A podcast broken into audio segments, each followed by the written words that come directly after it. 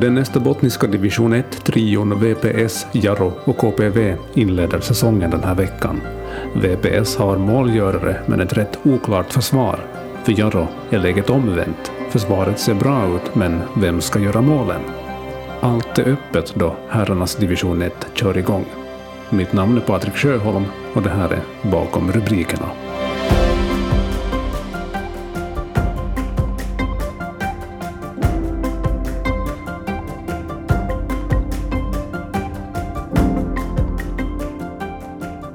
För några veckor sedan så uppmärksammades starten av damernas division 1 här i bakom rubriken och nu är det herrarnas tur. Division 1 drar igång den här veckan och då är det dags att kolla läget inför starten. VPS spelar sin första match redan i morgon och Jaro spelar i helgen och det gör också KPV. Med här i podden Vasabladets Jona Nyström, välkommen. Tack ska du ha.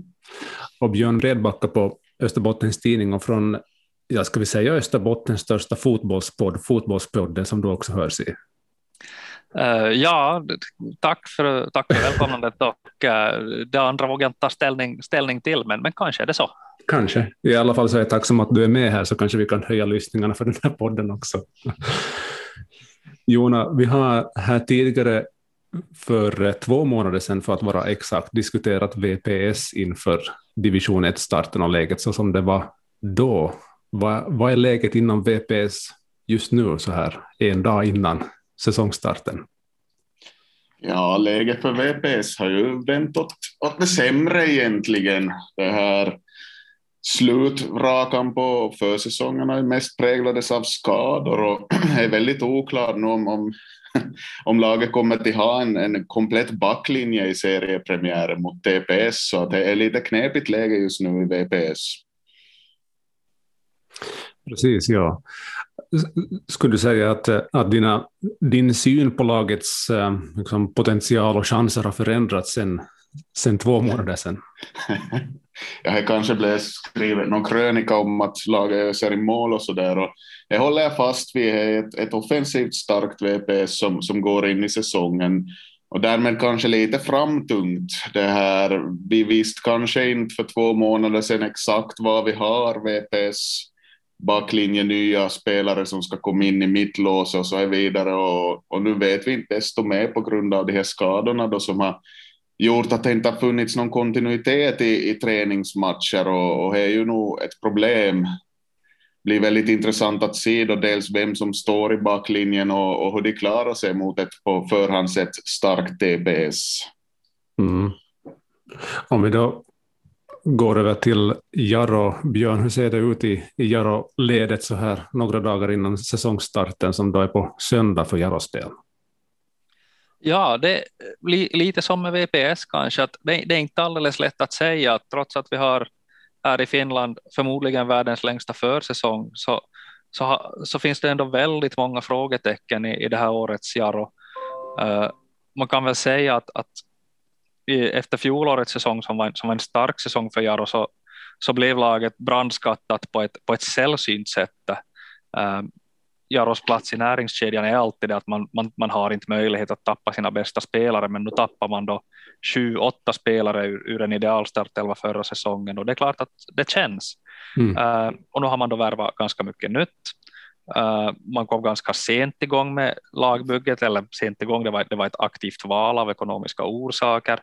Eh, när till exempel då VPS var väldigt långt klart när kuppen började där i var det februari, så, så var ju inte alls läget för Jaro, utan man har värvat in många av sina tilltänkta profilspelare senare och då har de här då i viss mån varit ganska dålig form när de har kommit, det har varit skador, det har varit lite lite annat som har också gjort att den här kontinuiteten har man inte fått och, och det man kan säga på de senaste, av de senaste matcherna med, med Jaro här nu då när laget har börjat se något sån här eh, ordinarie ut så kan man väl säga att defensivt ser det bra ut tvärtom mot, mot VPS då men offensivt så finns, kan man säga att det finns i bästa fall en hel del frågetecken.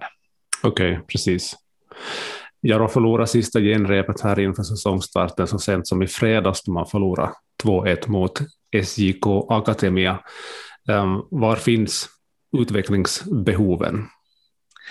Äh, framförallt så finns det i det offensiva spelet. Mm. Nu släpper man in två mål mot SJK Akademia, man blir straffade på någon kontring och så här. Och man kan säga att det, det är lite av en anomali för Jaro under den här uh, våren. Man har varit stabila defensivt. Jimmy Vari har satt en, en uh, trebackslinje med, med plus två wingbacks, då, alltså fembackslinje beroende på lite hur man väljer att se det som, som har sett faktiskt överraskande stabil ut och sen att hela laget på något sätt har haft den här defensiva eh, prioriteringen som, som nummer ett och, och, och, man har sett väldigt tajta ut bakåt. Nu blev man då som sagt straffad ett par gånger om här, men, men definitivt så är det så att problematiken den finns här framåt. Hur ska man skapa chanser? Vem ska göra målen?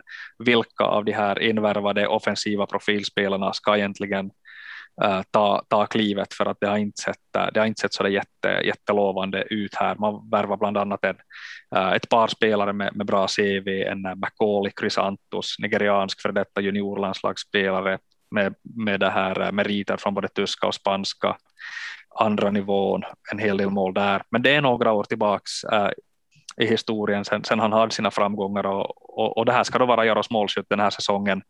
Uh, det ser trögt ut för, för hans del och eh, det ska bli mycket intressant att se då hur, hur till exempel han och vissa av de andra offensiva nyförvärven växer in i den här säsongen. Det behöver hända saker där för att det här ska bli en riktigt rolig säsong i Jakobstad. Mm. Jonas, för VPS del så blev det väl två vinster och två förluster i april månads träningsmatcher. Vad, vad funkar bra respektive inte så bra för VPS del? No, det var ju som vi sa här att, att framåt så, så fungerar det då är som bäst så fungerar det riktigt bra. Så ska vi ju säga att, att laget har lite svårt att hantera ett aggressivt motstånd, ett motstånd som pressar och, och det var ju till exempel precis vad JBK då gjorde här mot början av april då det slutade 1-1 i Sandviken. Så att VPS så, så, behöver liksom få bollen ganska snabbt på offensiv planhalva och försöka hålla igen där och skapa han vägen. För att är bollen förlängd på egen planhalva så blir det väldigt snabbt, väldigt bråttom, även om kanske pressen inte skulle vara alltför hård. Så att är ju absolut största utvecklingsmomentet, är ju delvis det här försvaret av eget straffområde och sen också hur man löser knutarna och, och kommer vidare från bollinnehav nära eget mål till att, att vända spelet till ett anfall. Ja, precis. Om det skulle vara match idag mellan VPS och Jaro, hur skulle den matchbilden se ut med, ett, med en ja, frågetecken kring backlinjen i VPS och frågetecken kring offensiven i Jaro? Jag tror ju att, att det finns så pass mycket fotbollskompetens i Jaro att de förstår till sätt press på VPS i så fall i en sån match. Och, och vi lär ju snart få veta det för att det läget ju faktiskt att det blir ju ett derby Jaro VPS ganska snabbt in på säsongen redan 23 maj så att det är en match man väntar med spänning på för att se hur, hur matchbilden utvecklar sig. Ja, vad tror du Björn om en, en match mellan VPS och Jaro i det här skedet? Ja, precis som Jonas så tror jag ju att, att eh, Jimmy Varg skulle, skulle läsa det här ganska bra och säkert lägga den här pressen. Samtidigt så tror jag nog också att VPS skulle vara det bollförande laget just nu i en sån här match. Men eh, det, är också svårt att säga eftersom det, det, känns som att det finns frågetecken både i Jaro och, eh, och VPS i det här, här skedet. Så att, eh, jag ser också, precis som Jona, väldigt mycket fram emot det här derbyt. Det, då har förstås serien har lagt sig lite då det är den fjärde omgången, men eh, det ska bli högintressant i Jakobstad här den 23 maj när VPS kommer på besök. Mm. KPV då, vad, vad tror ni om deras säsong? Ja, om jag ska börja här så ska man säga att det är ett, ett, mindre profilerat KPV som kommer till start. Man har ju under Matti Laitinen, alltså ägaren Matti Laitinens tid, satsat väldigt profilstarkt under de här säsongerna i ettan. Man var ju och svängde i ligan här ett år, eh, men i övrigt så har man spelat i division 1 och, och det här och man har varit det överlägset mest storsatsande laget i ettan. Och det har vi flera tillfällen också slutat med besvikelser, utom då den här ena säsongen när, när laget avancerade. Uh, I år så är det lite mer hemvävt, lite mindre profilstarkt, uh, lite tunnare trupp, lite lägre förväntningar, uh, lite lägre tonläge, uh, åtminstone än så länge. Så att KPV går väl in i, i serien lite som en, och, och, och faktiskt då slår, slår lite ur underläge för första gången på, på väldigt länge.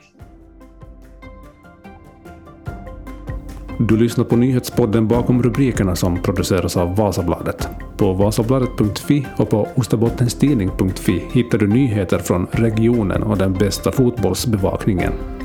På nyhetssajterna kan du följa med direktrapportering och matchanalyser. Du som inte är prenumerant, bekanta dig gärna med de olika alternativen som finns och stöd på så sätt vår österbottniska journalistik. Tack för att du lyssnar.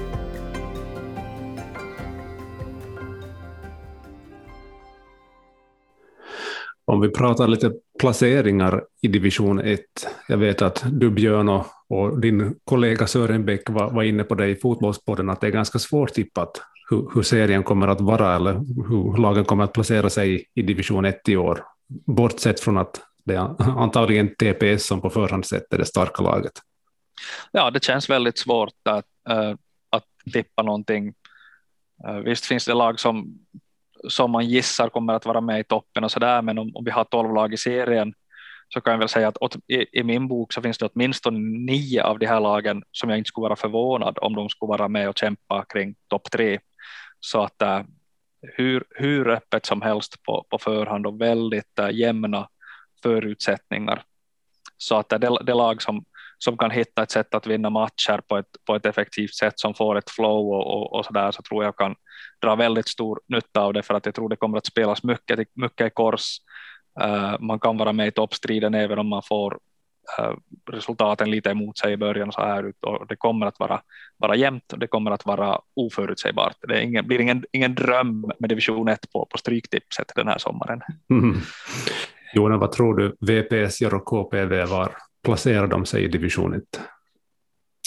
Ja, no, jag säger som Björn, det är en väldans oviss säsong vi har framför oss. Och jag satt i helgen faktiskt lite och funderade om jag skulle som på, på för eget nöjes skull bara rada upp lagen från 1 till 12. Jag tror på slutplaceringar, men jag kastar nog handlappen i, i Roskis ganska snabbt för jag konstaterar att det blir det här till någonting inte.